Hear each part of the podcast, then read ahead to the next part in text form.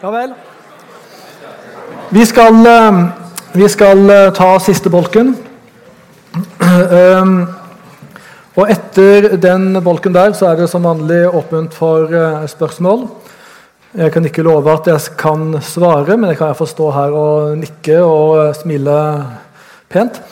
Men, men, men still gjerne spørsmål etterpå. Det er en sånn link på Facebook-siden som det går an å bruke hvis du har lyst til å, å gi spørsmål anonymt spesielt. Ellers er det jo bare å hive seg frampå og rekke opp hånda og, og, sånn. Så tenk litt på, på, spørsmål. Jeg vet når jeg holder på, så har jeg en tanke i hodet, og så tenker jeg ikke på at dette kan uh, høres svært rotete ut for dem som sitter og hører på. Så det er ikke alltid at jeg klarer å forklare ting så godt som jeg hadde lyst til. Så så det kommer til å skje i dag også. Så, så tenk på spørsmål. Um, vi folder hendene, og så uh, fortsetter vi derifra. Kjære himmelske Far, takk for denne stunden vi har hatt. For ordet ditt, for fellesskapet, takk for maten. Um, og nå ber jeg Herre om at du uh, fremdeles må åpne tanke, hjerte og sinn. Åpne ordet ditt for oss. Um, La det bli betydningsfullt og viktig og nyttig for eh, alle sammen, slik du ser at vi trenger det. I ditt navn. Amen. Nå skal vi snakke litt mer om den kristne frihet. Eh, eh, og den kristne frihet, som vi sa i stad, det, det er et liv i tjeneste for andre og i det å elske andre. Trekker du dette ut av det, uansett om du kaller det kristen frihet eller kristen tjeneste eller menighet eller, eller samme hva, så, så, bommer vi. For vi kan ikke trekke det ut. Det hverandre-ordet er det er uh, hoved, en av hovedessensene i, i, det kristne livet, i den kristne sinnelag. Uh, skal vi uh, bli preget av Jesus sinnelag, så blir vi preget av det å gi oss selv for de andre. Så det er eh, vår åndelige gudstjeneste. Og vi kunne egentlig bare latt det være der, og, og dette er egentlig eh, veldig selvforklarende. Eh, den kristne frihet det er å kunne være fri nok til å tjene og elske de andre. Gi slipp på egne rettigheter og faktisk være glad for å gjøre det. Kjærligheten sier Paulus noe om her i Rombrevet 13. Den gjør ikke nesten noe ondt. Den gjør ikke sin neste noe ondt.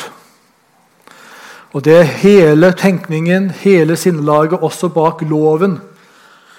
Den loven som vi skal være fri fra, så vi skal slippe å være gode nok. Og Likevel så er loven god, og loven er bra, og den er gjennomsyret av at vi skal være gode mot hverandre. Kjærligheten skal få, få virke. Det er hele tenkningen bak alt som Gud sier i Bibelen. Men det er jo vår egoisme som roter det til. Og så blir det ikke så veldig greit. I brevlitteraturen i Nytestamentet så blir dette med den kristne frihet eh, behandlet og omtalt spesielt to steder. Det ene er i Romerbrevet, det andre er i første Korinterbrev. Vi skal være mye i disse tekstene nå den siste timen. Vi skal lese ganske mye. Eh, og så skal vi prøve å gå litt fort gjennom det, så jeg ikke bruker for lang tid. Men dere får, får prøve å, å henge med men vi skal altså nå begynne å snakke litt om tekstene som, som snakker om den kristne livsførsel og den kristne frihet. Og så skal du legge merke til med en gang når vi starter, at han setter veldig lite opp disse her grensene. Men han snakker veldig mye om hvordan vi forholder oss til hverandre i disse temaene og disse spørsmålene og disse stridsgreiene. Det er din og min holdning til hverandre han har som hovedfokus. Hvis vi f.eks. starter i Rombrevet 14, der dette starter på i, i, det brevet, så sier han noe om hvordan du skal forholde deg til de andre. Ta dere av den som er svak i troen, uten å gjøre dere til dommere over hans tanker. Nå snakker han om sinnelaget vårt igjen. Det som beveger seg her inne. Fordi at Vi har så lett for å møte andre som har andre grenser, eh, har, eh, har andre friheter, om det er videre eller, eller snevrere. Og så har vi noen uenigheter her, og hvordan skal vi gjøre ting i våre sammenhenger. og bla bla bla, alt sånt, og så kan det være sterke følelser og sterke meninger knytta til masse av dette her. Og da er det tanken vår som vi fort får trøbbelet med. For vi begynner å dømme, og vi begynner å forakte. Vi begynner å sette i bås. Vi begynner å se ned på. Og Vi kan gå glatt gjennom alle diskusjonene og ikke sense at det er dette som er hovedproblemet. Vi tenker hovedproblemene er disse grensene som vi har, og de uenighetene og alt det, Hvor skal vi nå sette tingene hen? Det er ikke det som er hovedproblemet. Hovedproblemet er at vi begynner å tenke noe og behandle hverandre. Her trekker han inn um, et uttrykk om noen som er svak i troen. Og Når vi møter noen som da er slik, så er det så lett for at vi blir dommere i våre tanker. Og vi dømmer den andres tanker. Den andres gudsforhold dømmer vi. Og så er det noe hardhjertet som kommer opp i oss i disse tingene. Det er det første Paulus snakker om. Pass på sinnet ditt i møte med dette, så du ikke dømmer den andre. Den som er svak i troen, er altså et uttrykk han bruker i Korinterbrevet, når han snakker om samme tematikken og samme praktiske eksempel, så bruker han uttrykket 'en svak samvittighet'. Det er altså samvittigheten som gjør at 'dette kan jeg gjøre, men det kan jeg ikke gjøre'. Jeg setter grensen der. For det forteller samvittigheten meg. ikke sant? Og der samvittigheten er det du kan gjøre med god samvittighet, eller det du ikke gjør med god samvittighet, det sier også noe om troen din. Så den svake samvittighet er her synonymt med en svak tro. Og dette har igjen med hvilken kunnskap du og jeg har i Guds ord. Nå leser vi ikke alle sammen, og da plukker jeg ut noen, noen, eh, noen poenger her eh, fra tekstene. Men, men, dette snakker han om eh, i hverandre. Det har med forskjellig grad av kunnskap og Når vi har forskjellig kunnskap i Guds ord, så påvirker det vår samvittighet om, og, og, friheten vi, vi, lever i, og det sier noe om troen vår. Uh, så der, der, starter han. Men det er altså et spesielt ansvar han legger inn over oss med en gang når han snakker om den kristne frihet. Og det er at ingen av oss skal dømme hverandre. Ingen må dømme hverandre. Men det er et spesielt ansvar at de som har et, en sterk tro, altså da også har en stor kunnskap i Guds ord, og hvor samvittigheten er, er, samvittighetens grenser er lik på en måte de grensene Guds ord setter. De har et spesielt ansvar overfor dem som har en svak tro, svak samvittighet og har liten kunnskap. Den som har liten kunnskap, kan likevel ha et kjempegodt forhold til Guds ord. Han kan leve i nåden. Det er bare det at Han kan være ny på veien, ny som kristen. Han kan ikke så mye. Eh, det er så mye mer å, å Ikke sant? Han kan ha et fantastisk nært og godt forhold til Gud. Det er bare det at han har ikke så mye kunnskap. Og Da skal ikke du og jeg begynne å dømme dem. Det er eh, det spesielle ansvar til den som er sterk. De svake kan lett ledes til fall av den sterke. For den sterke, som kanskje da har en samvittighet og kan tillate seg mer, fremdeles innenfor Guds ord, han har en tendens til Kjører han dette for hardt fram, så er det noen svakere som ikke forstår, ikke kan, og ikke Og så følger han ditt eksempel, og så klarer han ikke å styre det slik du styrer det. Et enkelt eksempel er jo det med eh, en, en alkoholiker. Ikke sant? Om jeg skulle tatt meg et rød, glass rødvin til maten, så hadde ikke det gjort meg noen verdens ting. Men om en alkoholiker hadde gjort det, som er mye svakere på dette, og som kanskje hadde det vært et springbrett ut i det samme gamle som før Han er bare svakere på det. Dere forstår poenget? Ikke sant? Jeg som sterk har en kjempegreie der jeg, jeg kan lede andre til fall. Den sterke ledes sjelden til fall av den svake. Så det er ikke likt forhold mellom disse to grupper mennesker. Det er den sterke som har det største ansvaret. Det som er den sterkes store fallgruve, er at han møter den med mindre kunnskap med hardt hjerte, med dømmende tanker. Og da har den sterke falt. Det er der den sterke faller. I møte med den svake. Ikke at den svake får han til å, å, å, å synde, holdt jeg på å si, men, men, men at vi lett fristes til ukjærlighet og egoisme og forakt og dom. Paulus trekker fram et eksempel som ikke har så veldig mye å si for oss, men som var et kjempestridstema den gang. Ehm, det har litt med kjøtt som de kunne gå på markedsplassen og kjøpe. Men problemet med dette kjøttet var at veldig mye av det var ofret til avguder i avgudstempler. Så det var på en måte innviet til, til noen avguder. Og så, etter at den ofringa var ferdig, og dyrene var drept og slakta og partert, og alt det der, så ble en del av kjøttet solgt på markedet. Og hva kan en kristen gjøre? For Disse kristne har kanskje vært avgudsdyrkere før, og så har de blitt kristne. Og så skal de begynne å spise samme kjøttet eh, til, som var ofra til avgudene, som de gjorde før. Kan en kristen gjøre det?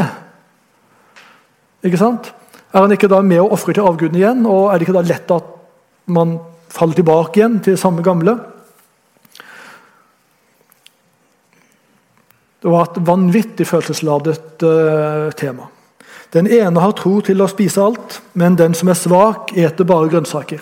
Her er det ikke snakk om generell vegetarianisme, men det har med denne situasjonen her å gjøre. At det var noen da som av sin samvittighet overhodet Og det er jo av sin kjærlighet til Gud, så vil de ikke havne i at de faller ifra. så da, Det der med avguds, det, det, er farlig for meg, det kjøttet der. Jeg vil ikke tilbake til det. Så det er mye bedre for meg at jeg, jeg bare spiser grønnsaker. Da er jeg på trygg grunn. For de vil for all del ikke fristes vekk fra Jesus igjen. Og tilbake igjen til det gamle. Så de var svake på det, slik alkoholikerne var. Den som eter, må altså ikke forakte den som ikke eter.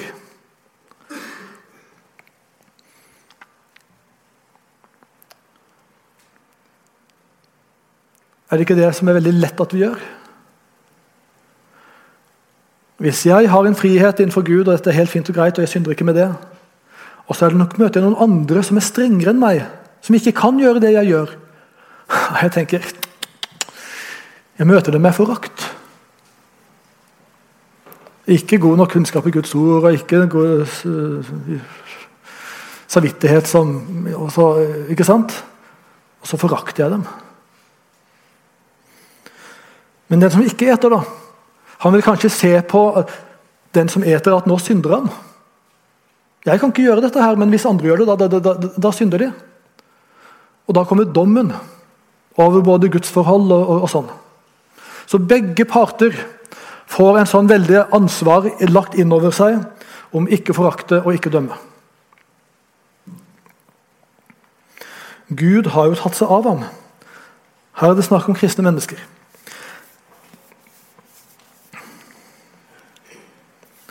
Den, så kom han med et annet eksempel. og Det var også veldig sånn følelseslada. Det hadde mer med Bibelen å gjøre. fordi at jødene hadde jo eh, sin, eh, sine helligdager og sin festkalender, og i alle fall sabbaten på den sjette dag. Og når det da ble hedningekristne, skulle de bli jøder? Skulle de følge jødenes festkalender? Skulle de feire Jon Kippur og alt dette her, eller skulle de Skal de ha sabbaten? Etter hvert så kom du inn med søndagen, Jesu oppstandelsesdag. Altså, Hvordan gjør vi dette med dagene? Og ene, da, da, da slynga de bibelvers i, i, i fjeset på hverandre. Den ene setter én dag høyere enn en annen dag, den andre holder alle dager for å være like. Men det er da Paulus sier det som er viktig her, er at du innenfor din Gud er fullt visst på din samvittighet, din tro. Hvor er, din, hvor er, hvor er grensen? Enhver må bare være fullt visst i sitt eget sinn så kan han være fulgt liksom som én ting, og han kan være fulgt liksom som en helt annen ting. Og så er det ingenting av det som er, er galt i seg sjøl, men, men, men, sånn vil det være i våre sammenhenger. Og så kan det være sterke meninger og sterke troer på, på det der. Og så er, det, er begge fullt viss. Ja, men da er du fullt viss på ditt, og så lever du i forhold til det i forhold til din Gud. Den som akter på dagen, han gjør det for Herren. Det er fordi han elsker Jesus at han gjør det. Men den som ikke akter på dagen, han gjør det også for Jesus fordi han elsker Jesus. Han takker jo Gud. Og den som lar være å ete, han gjør jo det for Guds skyld. Og den som eter, han kan gjøre det med god samvittighet fordi han kjenner Gud og kjenner Bibelen på dette. Og så kan det være svært ulikt oss imellom. Dette ikke døm eller forakt. Og så må du sjøl være sikker på deg sjøl. Og Hva er det han så sier? Jo, han sier at disse begge sider de skal altså vurderes. Men da vurderes de ikke etter hvilken frihet de har hatt, eller manglende frihet de har hatt. Om de nå har levd sånn eller sånn, eller ment slik eller slik. Det er ikke det de dømmes etter. Men de dømmes etter hvordan de har forholdt seg til sin meningsmotstander i tanken og sinnet sitt. Men du, hvorfor dømmer du din bror? Eller du, hvorfor forakter du din bror? Vi skal jo alle stilles fram for Guds domstol.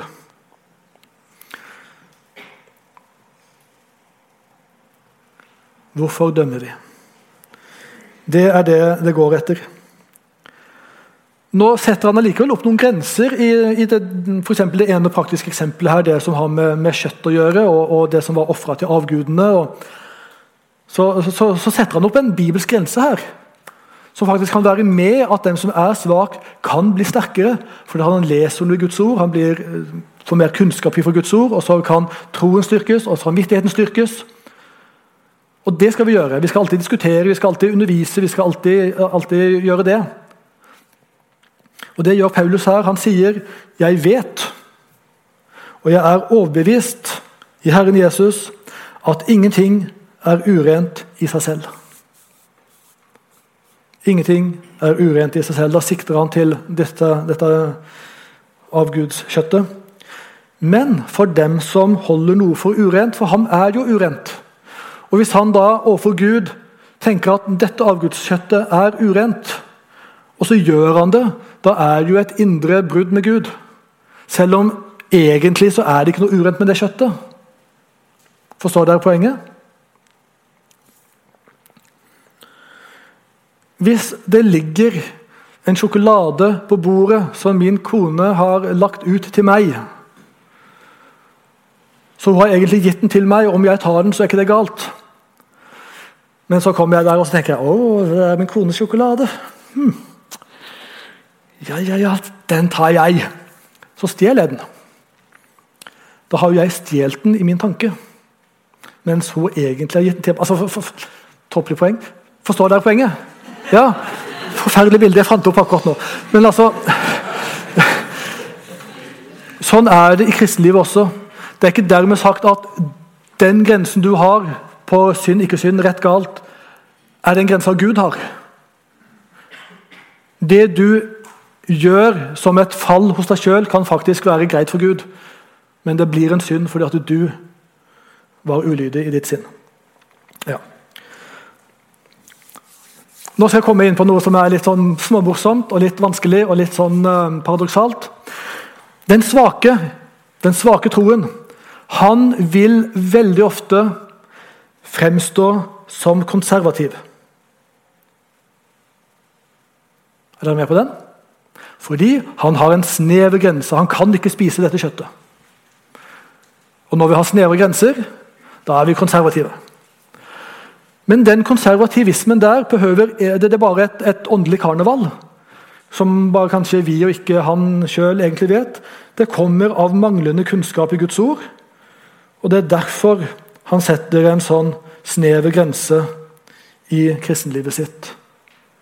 Det er en svak tro fordi det er en svak kunnskap i Guds ord, men han lever strengt. Og det er fint å gjøre, fordi han, han, vil eh, holde seg til Gud. Men han fremstår som konservativ uten å faktisk være så veldig åndelig. På en annen side si, så vil den sterke, som da har stor kunnskap i Guds ord, og vet hvor grensene i Guds ord er, og så kan han tillate seg mer enn det den svake gjør. Uten å bryte med Guds ord, selvsagt, men, men, men han, han, kan tillate seg mer. Da gir jo han et skinn av å være si, litt mer liberal da, enn den andre. Og det er jo ikke bra. Men det er faktisk han som er åndelig. Det er faktisk han som har stor kunnskap. Og det er faktisk han som har en sterk tro. Så av og til kan vi bedømme hverandre så feil og faktisk bedømme oss sjøl. På den annen side så vil det også være slik at den svake som har manglende kunnskap i Guds ord Han vet ikke hvor grensene i Guds ord er, så da lever han langt utover grensene. Og så lever han som liberal. Så du vil jo ha det også. Men det er bare rett og slett fordi at han mangler kunnskap. Og den sterke, som vet hvor, hva Guds ord sier, setter livsførselen sin der og så vil han i mange tilfeller være strengere i sin livsførsel enn da den andre. Og han vil fremstå som konservativ. Og det er fordi at han har en sterk tro og kan sin bibel. Men dette åndelige karnevalet her, hva er det veldig lett å ta feil av hverandre på? Nå skal jeg si litt om den kristne frihet. Dere har kanskje hørt er det ikke det du har pratet om hele tida, da? Uh, dere har hørt uttrykket 'å være fri som fuglen'. Har dere hørt det uttrykket? Underforstått at fuglen er jo ikke bundet av noe. Han er jo fri, han kan bevege seg overalt. Det er jo bare det at fuglen har også sine grenser han praktiserer sin frihet innenfor. Den fri som fuglen, Når Jesus sier 'jeg vil gjøre dere virkelig fri', så betyr ikke det at det ikke finnes noen grenser. Det fins noen grenser. Og det er innenfor disse grensene vi kan bruke vår frihet. I fuglens tilfelle så må han være der hvor tyngdeloven er. Hvis han flyr for høyt opp og havner langt ut i uh, verdensrommet, kan han fly der? Han kan ikke det. Det er ikke stedet hans. Da er han utenfor sitt virkeområde. Fuglen kan ikke fly der ute. Så fri er han. Han må ha luft. Jeg har liksom forstått det at Hvis du eh, sitter i et fly og så flyr du bortover, så kommer du til et lufttomt rom, hva skjer da? Glunk. Ikke sant? Fordi at du, du, trenger luft under vingene som holder deg oppe. Så hvis ikke fuglen har luft under vingene, da skal du se hans frihet. Da faller han rett ned. Så det, må, det er en grense for hans, eh, hans frihet. Fuglen må ha oksygen. Hvis han kommer for høyt opp for eksempel, og det ikke er luft der, så går det ikke så bra. Temperatur. Flyr han der hvor det er 50 eh, minus, så får han problemer etter hvert. Ikke sant? Altså Det er noen grenser hvor en frihet kan, eh, skal praktiseres innenfor. Nå skal jeg fortelle om fire grenser som du og jeg har i vårt kristenliv til å praktisere vår frihet innenfor. Og den absolutte yttergrense, det er Guds ord.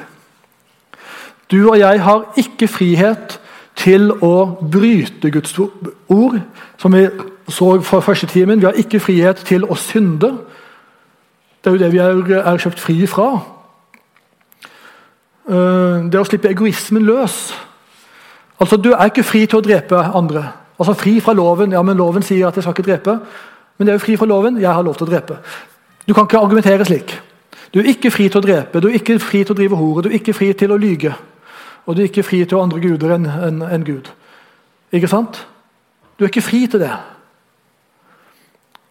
De grensene Guds ord setter, de gjelder. Der skal friheten praktiseres innenfor. Men så kommer jeg. Det der er et bilde av meg. Og der lever jeg mitt liv aller helst. da.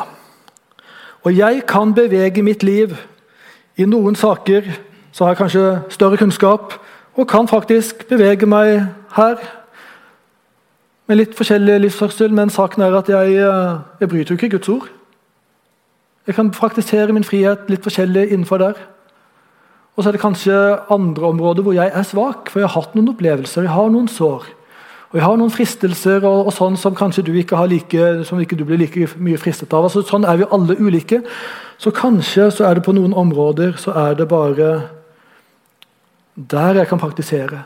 For jeg blir så lett fristet og er svak. Men innenfor her kan jeg praktisere mitt liv og min livsførsel. Og Det der er egentlig fint og vel og, bra. Uh, når, det, når, han sier 'vær viss på ditt eget sinn og din egen tro', så er det de, de, de, forskjellige områdene i livet ditt her du må være bevisst på. Hva fristes du mest av? Hvilke områder er du sterkest på?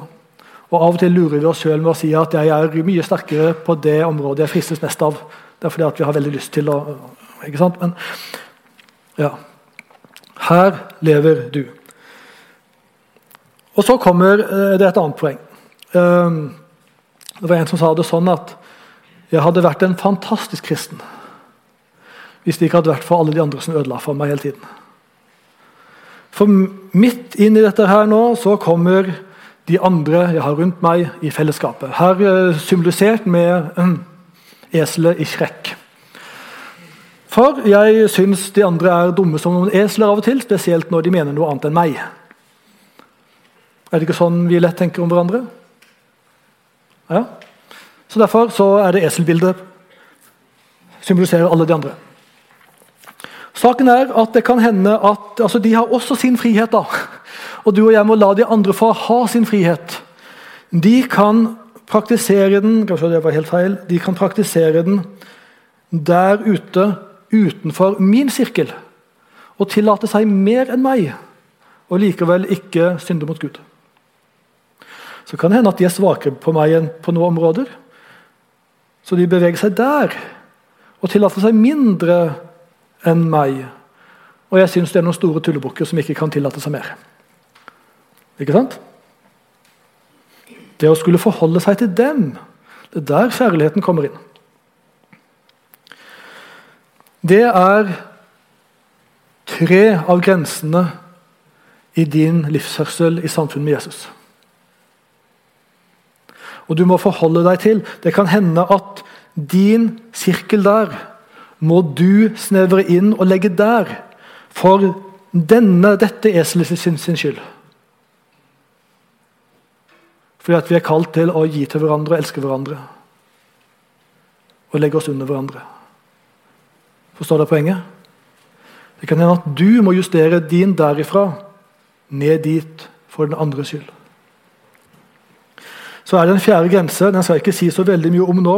Men som jeg sa, jeg vet ikke om jeg klarte å få fram poenget der, loven. Det loviske. Da bruker man bibelvers som bare juling. Du skal, du skal ikke.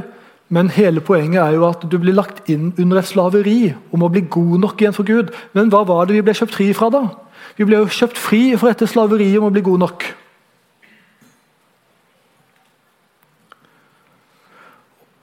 Og Paulus sa jo i Galaterbrevet der om å ikke la seg legge inn igjen under trelldommens åk. Men så kommer det noen og sier at dette må du fikse, sånn må det være. Hvis ikke så er du ikke god nok for Gud.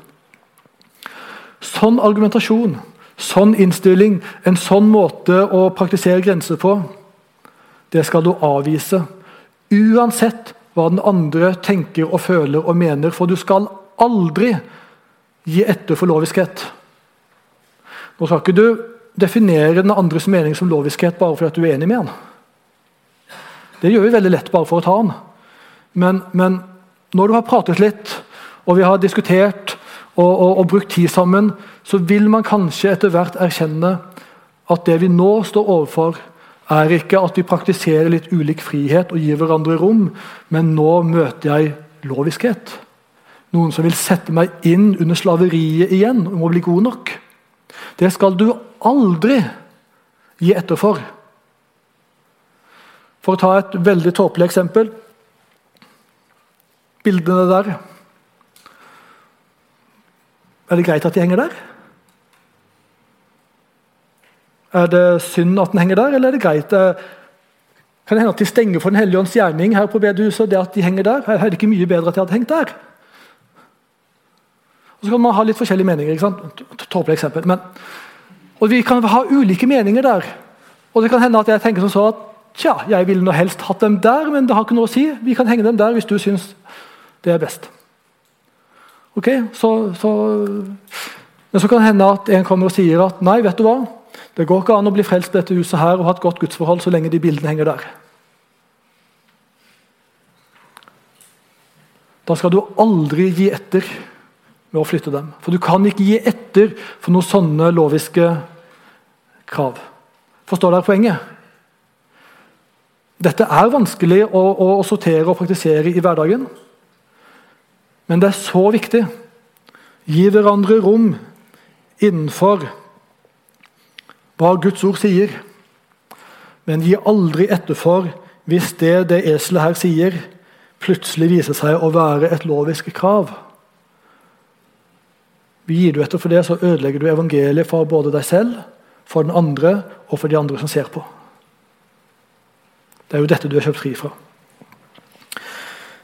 Ehm, det er de fire grenser.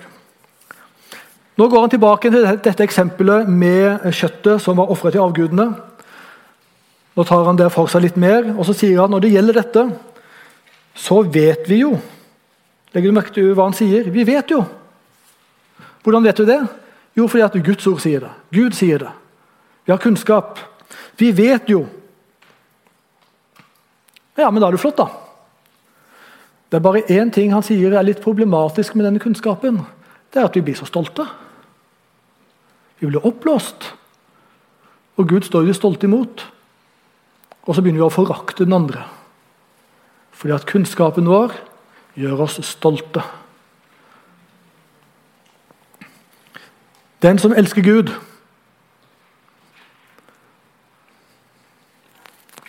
Ikke bruk kunnskapen din til stolthet. Men bruk din kunnskap til kjærlighet. Så Det er noe han trekker fram her nå. Vi vet jo, vi har kunnskap, men la det ikke bli stolthet ut av det. Når det gjelder dette å ete kjøtt fra avgudsofrene, så vet vi aha, vi vet en ting til.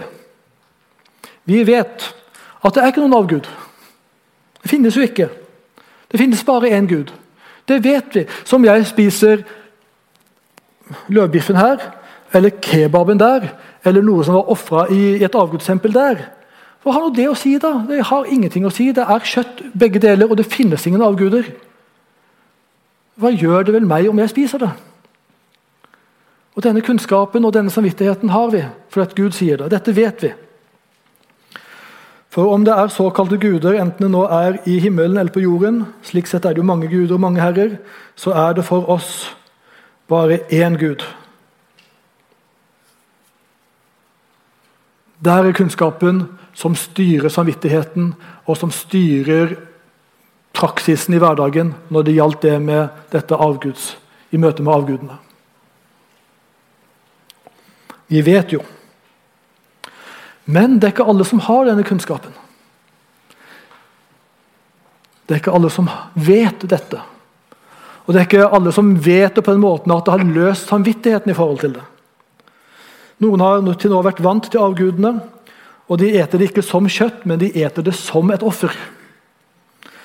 Og så blir deres svake samvittighet uren.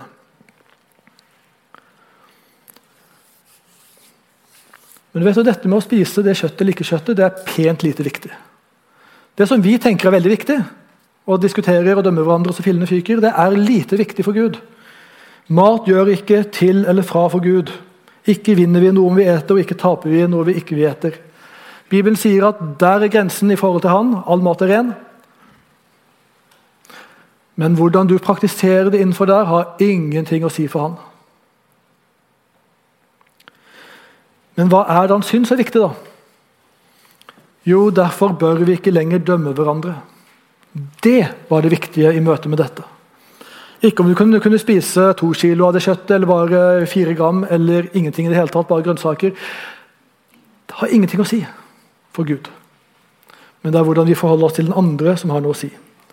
Fell heller den dom at ingen må legge noen anstøtsten eller felle for sin bror. Der har du ansvaret. Det du velger å gjøre ut fra din frihet, sørg bare for at ikke det ødelegger for noen andre som er svakere enn deg. For dersom du med din mat volder din bror sorg, og det gjør vi når vi vil ha vår rett igjennom og være litt egoistisk, da vandrer du ikke i kjærlighet. Men det er jo kjærligheten som er hele basispoenget i Guds sinnelag.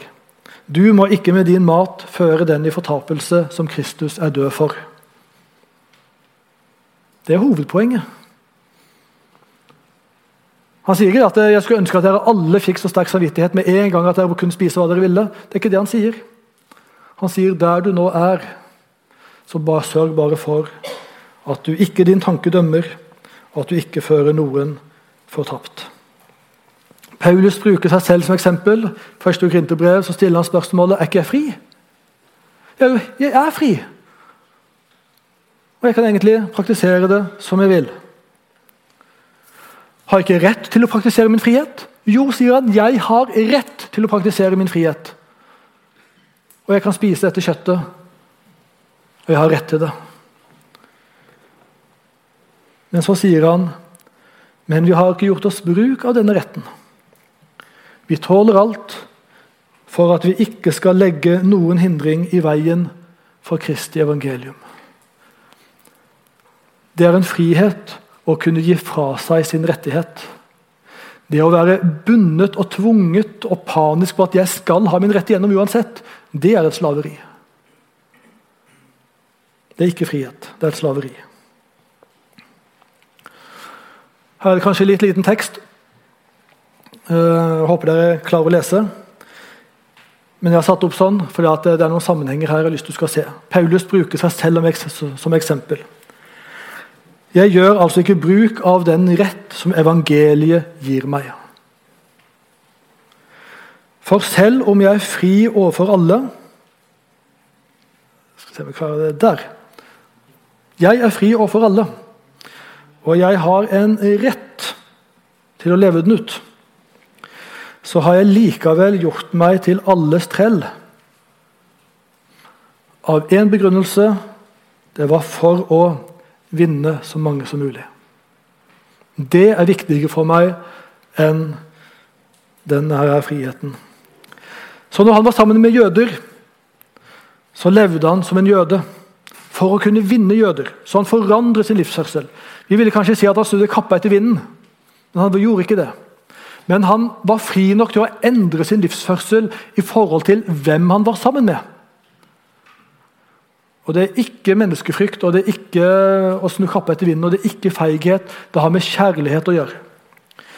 Så når han var selv jøde og var med jøder, så levde han som en jøde. Når han var sammen med noen som var loviske, så levde han som om han var lovisk. Enda han ikke er under det loviske, han er under nåden. Men han lever slik som de lever. For å ikke skape frustrasjon og sinne og, og, og, For å kunne vinne dem. For Hvis han lever på tvers av de andre og skaper all den frustrasjonen, så er han sperra fra evangeliet.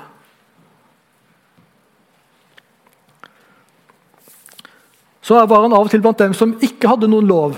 De var ikke jøder, de hadde ikke Guds ord. Hadde, ikke så levde han han snudde om på sin livsførsel.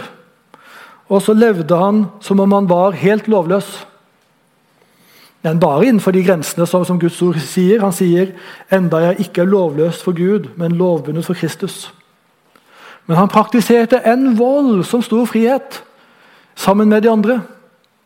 Det er for å ikke skape denne frustrasjonen og at det bygdes opp stengsler for at de kunne møte Jesus.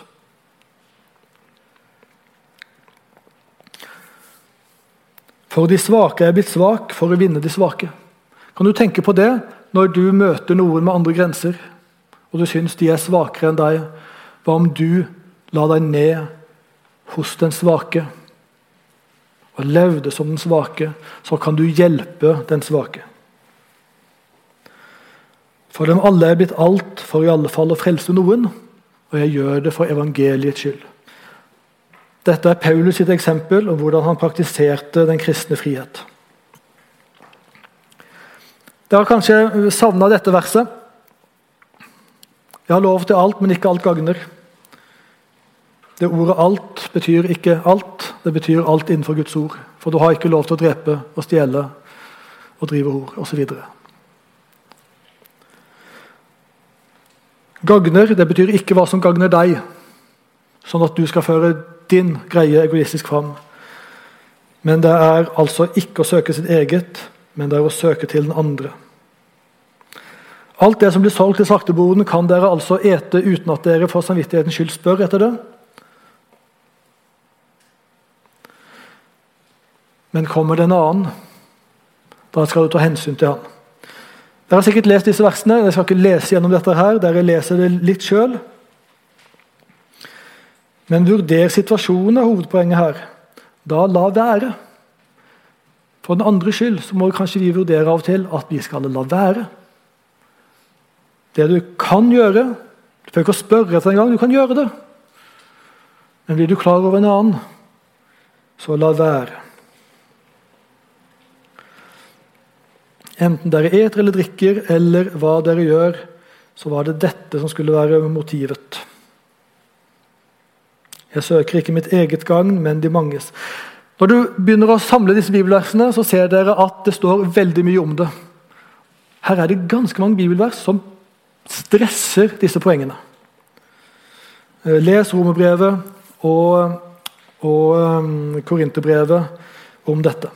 Helt til slutt med alle disse bibelvers vi nå har trukket fram om de andre, så kan jo dere bruke litt tid på å se om dere finner noen bibelvers som oppfordrer deg til å være den styrende egoisten i fellesskapet. Og jeg har sittet i mange styrer. Og vært i mange diskusjoner hvor det er denne egoismen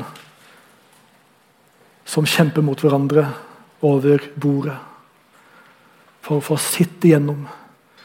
Og null følsomhet for de som da blir sittet sårende igjen.